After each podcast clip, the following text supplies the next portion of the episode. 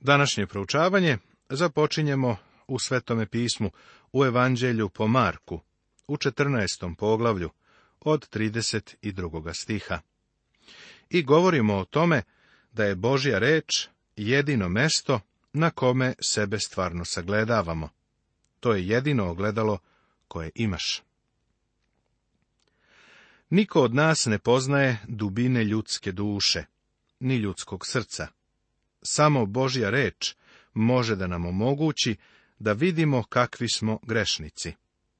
To je bio problem sa jednom osobom iz prethodnog članka, a to je problem i sa mnom, kao i sa tobom.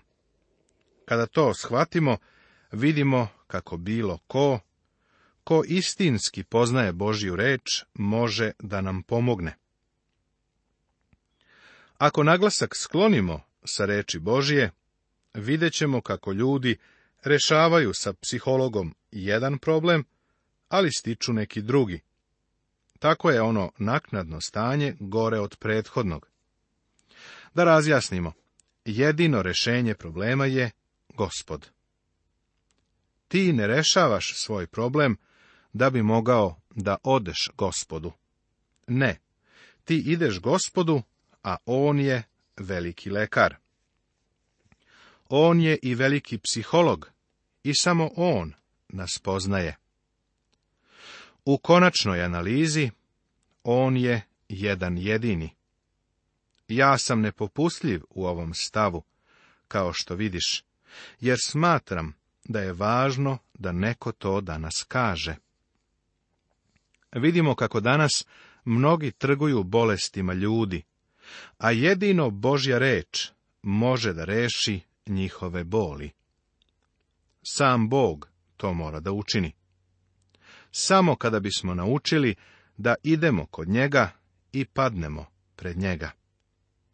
Možda shvatimo da smo imali teško detinjstvo. Prijatelji, sve nam je bilo teško.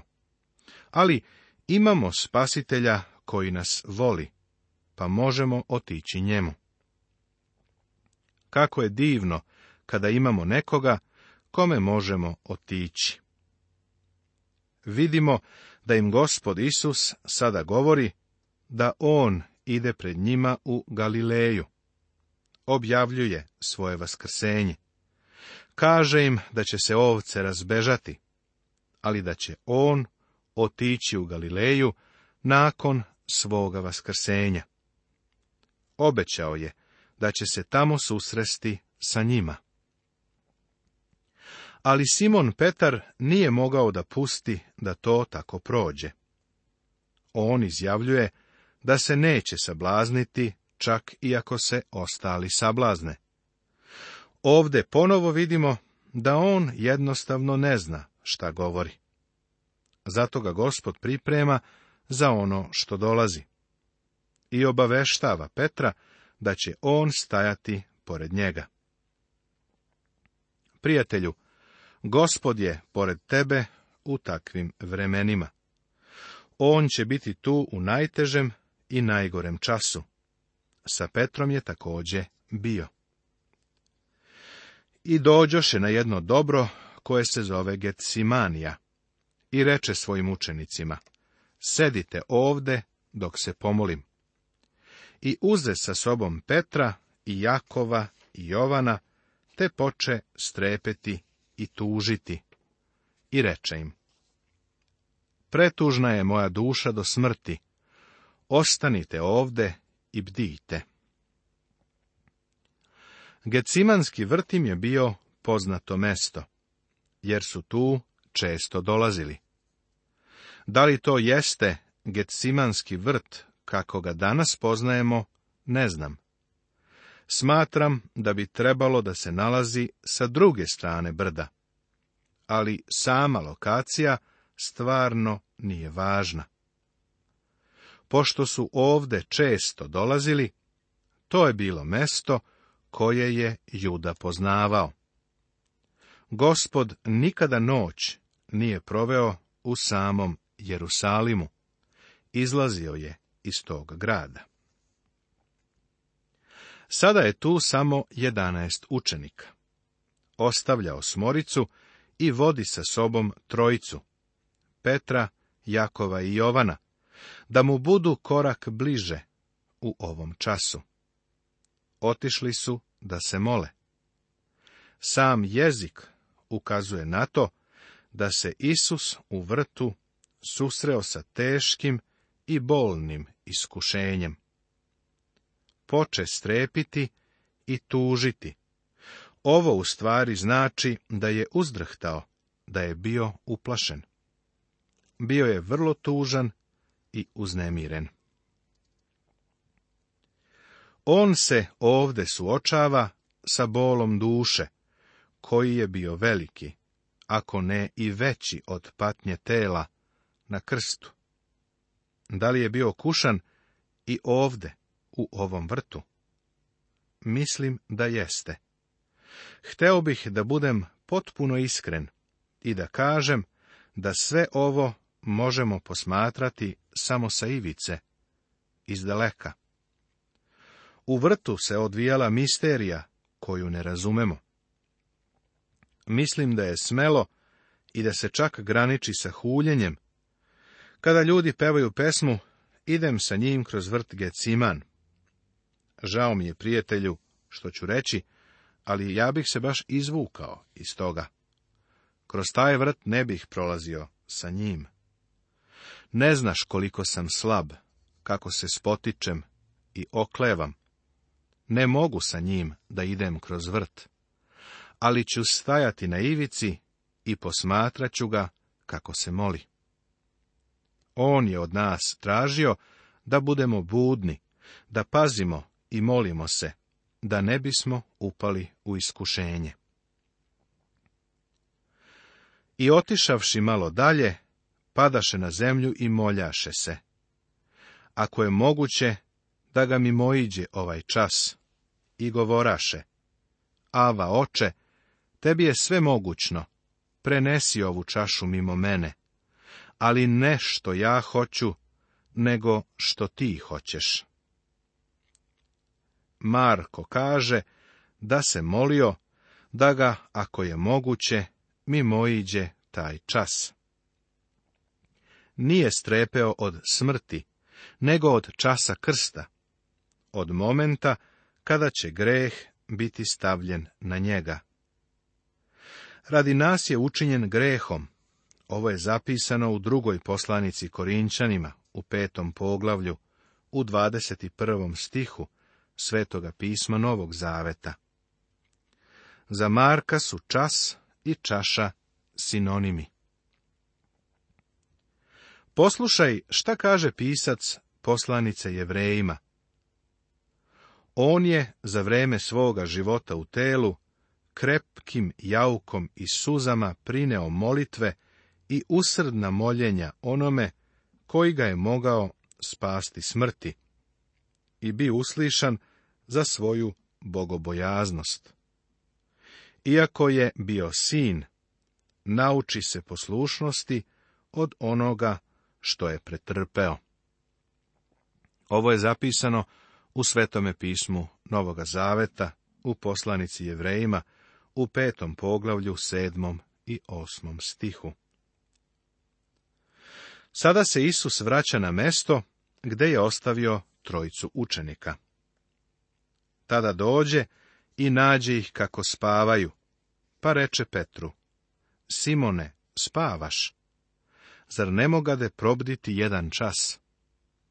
Bdite i molite se, da ne dođete u iskušenje. Duh je srčan, ali je telo slabo. Tri učenika nisu bila uznemirena. U stvari, mogli su sve to da prespavaju. Ovaj čovek, Petar, nije bio uznemiren čak ni kada se odrekao Isusa. Umesto da bdiju i mole se, oni su zaspali. Bdenje i molitva jesu način da i mi danas izbegavamo iskušenja. Sada ćeš primetiti da se Isus vraća i ponavlja prvu molitvu. I opet ode, te se pomoli izgovorivši istu molitvu. A učenici su ponovo zaspali. I došavši opet ih nađe kako spavaju, jer su im oči otežale, pa nisu znali šta da mu odgovore. Za svoj propust nisu imali objašnjenje. Ovde zaista vidimo da se telu ne može verovati. I dođe po treći put i reče im, stalno spavate i počivate.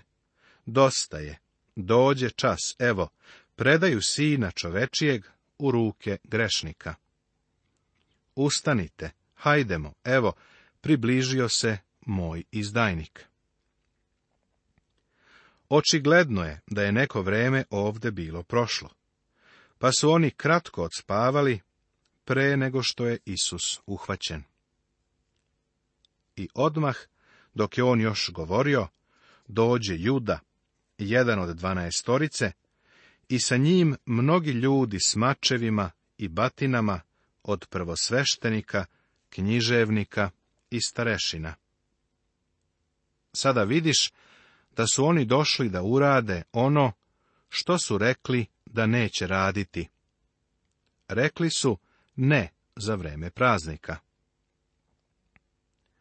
A njegov izdajnik beše dao znak njima. Koga poljubim, onaj je. Uhvatite ga i odvedite oprezno. Ovde imamo zabeleženo jedno od najgorih izdajstava. Prljavo je, i gadno. Juda je znao na koje se mesto gospod obično povlačio u mir, pa je neprijatelje tamo odveo. Poljubac je znak ljubavi i privrženosti, ali ga je Juda iskoristio da bi izdao Hrista. To je ovo delo učinilo još podlijim i odvratnijim slučajno saznajemo da naš gospod u svojoj ljudskosti nije izgledao drugačije od ostalih ljudi. Morao je da ga identifikuje u masi. I došavši, odmah mu priđe i reče, ravi, poljubi ga. Primetit ćeš da ga juda zove učiteljem, ravi, ne zove ga gospodom. I niko ne može reći, Isus je gospod, sem duhu svetome. Ovo je zapisano u prvoj poslanici Korinčanima u 12. poglavlju, u trećem stihu svetoga pisma Novog Zaveta. A oni staviše ruke na njega i uhvatiše ga. Ovo obeležava trenutak kada je Isus bio predat u ruke grešnih ljudi. Sada se predaje i kreće prema krstu. Simon Petar se trudi da ga izbavi. A jedan od njih, što tu stajahu, poteže mač. Udari prvosveštenikovog slugu, te mu odseče uho. Isus pak odgovori i reče im, ste kao na razbojnika, sa mačevima i batinama da me uhvatite. Svaki dan sam bio u hramu, kod vas i učio, pa me niste uhvatili. Ali pisma treba da se ispune. Isus ističe da se ovim proroštvo ispunilo. Da su ti ljudi verovali u svoje pismo, mogli su da oklevaju ili čak da se predomisle. Tada ga svi ostaviše i pobegoše. Kao što smo i sumnjali, Petar je mačem ocekao uho čoveku.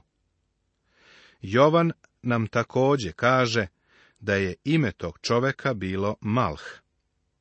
Simon Petar je bio prilično dobar ribar, ali vrlo loš mačevalac. Verovatno je nameravao da se domogne njegovog vrata, ali je promašio i dograbio samo uho. Tada ga svi ostaviše i pobegoše. Ovo je ispunjenje proroštva.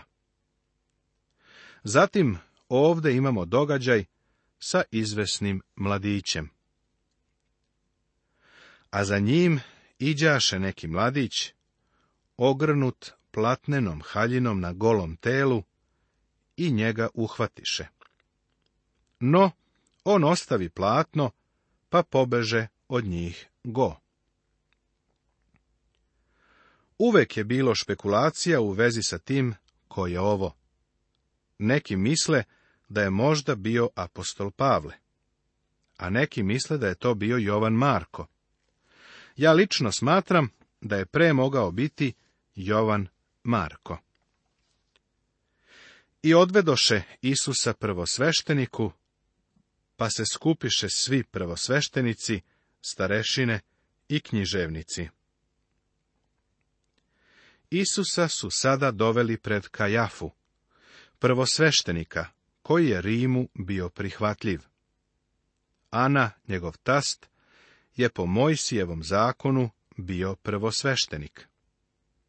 Isusa su prvo odveli kod Ane, kako Jovan beleži. Neki veruju da je Ana bio pravi nitkov, koji je stajao iza celokupne zavere da se Isus ubije.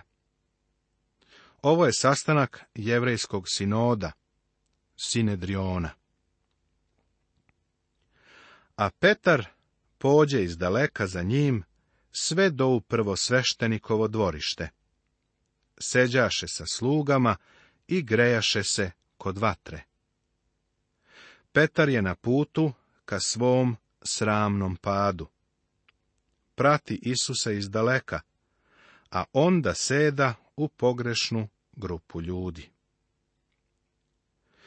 I prvosveštenici i sav Sinedrion u svedočanstvo protiv Isusa, da ga ubiju, ali ne nalažahu. Sastanak Sinedriona je bio ilegalan, jer se održavao noću. I njihov način rada je bio ilegalan. Saslušali su samo svedoke koji su govorili protiv Isusa. Jer mnogi svedočahu lažno protiv njega, ali svedočanstva ne behu jednaka. Neki pak ustaše i svedočahu lažno protiv njega govoreći, mi čusmo kako on govori, ja ću razvaliti ovaj hram, načinjen rukama, pa ću za tri dana sagraditi drugi, koji neće biti načinjen rukama. Pa ni tako njihovo svedočanstvo ne beše jednako. Mnogi su bili spremni da lažno svedoče, ali se ni dva svedočanstva nisu poklopila optužnicu je trebalo doneti na osnovu svedočanstva bar dvojice svedok. Isus, naravno, nije rekao da će on razrušiti hram i da će ga onda podići za tri dana. Rekao je, srušite ovaj hram, odnosno vi ga srušite. A Jovan to objašnjava rečima no on je govorio o hramu svoga tela. Ovo je zapisano u Evanđelju po Jovanu u drugom poglavlju u 21. stihu Svetoga pisma Novog Zaveta. Tada usta prvosveštenik na sredinu i upita Isusa govoreći. Zar ništa ne odgovaraš? Šta ovi svedoče protiv tebe? a on ćutaše i ne odgovori ništa. Prvo sveštenik ga opet upita i reče mu, jesi li ti Hristos, sin blagoslovenoga?